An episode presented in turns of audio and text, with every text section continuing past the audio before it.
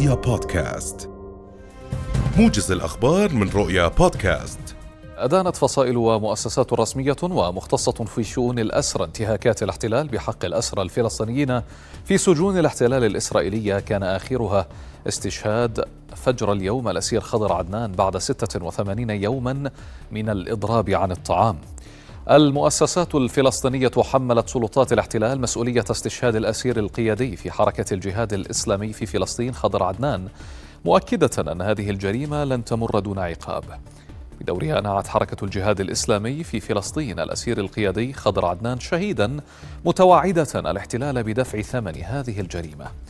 وكان الأسير الفلسطيني خضر عدنان استشهد في سجون الاحتلال بعد معركة إضراب عن الطعام استمرت لمدة 87 يوما رفضا لاعتقاله. أكد عضو هيئة الدفاع عن نائب عماد العدوان المحامي جواد بولس أن محكمة إسرائيلية قررت تمديد منع لقاء النائب العدوان مع محاميه لثلاثة أيام إضافية. بولس قال لرؤيا إن قرار تمديد المنع صدر مساء أمس مؤكدا أن القرار يمتد حتى الرابع من أيار الحالي. وكانت سلطات الاحتلال الإسرائيلي قد أوقفت النائب عماد العدوان يوم الأحد الثالث والعشرين من نيسان للتحقيق معه على خلفية عملية تهريب مزعومة لكميات من الأسلحة والذهب. أفاد استطلاع أجراه مركز الدراسات الاستراتيجية بأن 31% من الأردنيين متفائلون بالحكومة الحالية بعد مرور عامين ونصف على تشكيلها مقابل 69% غير متفائلين. وبين الاستطلاع الذي جرى على عينة بلغت 1200 شخص ممن تزيد أعمارهم عن 18 سنة أن تقييم المواطنين لقدرة الحكومة على القيام بمهامها منذ أيار 2021 وحتى الآن كان حوالي 36% وكشف الاستطلاع عن رضا غالبية الأردنيين على مستوى الأمن في المنطقة التي يعيشون بها ومستوى الأمن في الأردن بصفة عامة بنسبة بلغت 78%. قال الناطق باسم وزارة الخارجية وشؤون المغتربين السفير سنان المجالي قال إنه سيصل الأردن أحد عشر سائقا من ميناء سواكن الحدودي السوداني إلى ميناء جدة في الساعات المقبلة بعد تأمينهم عبر باخرة عمان.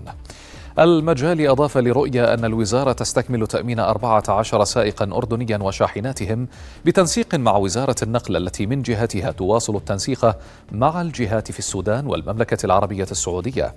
وأشار إلى أن سائقي الشاحنات المتبقية في السودان يستكملون إجراءات التخليص التجارية المتعلقة ببضائعهم مع الجانب السوداني ليصار إلى نقلهم إلى الأردن. كشف المبعوث الأممي للسودان فولكر بيرتس عن موافقة الجيش السوداني والدعم السريع على إرسال ممثلين إلى محادثات تعقد في السعودية وسط محاولات لدول إفريقية التوسط بين طرفي الأزمة. بيرتس أوضح في تصريحات صحفية أن المفاوضات ستركز في البداية على إرساء وقف موثوق لإطلاق النار ويشرف عليه مراقبون محليون ودوليون. لكنه نبه إلى أن ترتيبات عقد هذه المحادثات لا تزال قيد الإنجاز. وقال إن المحادثات بشأن ترسيخ وقف إطلاق النار يمكن أن تتم في السعودية أو في جنوب السودان مرجحا إجراءها في الرياض لعلاقتها الوثيقة بالجانبين. إلى ذلك تشهد العاصمة الخرطوم غارات جوية وانفجارات ورشقات نارية على الرغم من هدنة جديدة لمدة 72 ساعة وافق عليها طرف النزاع.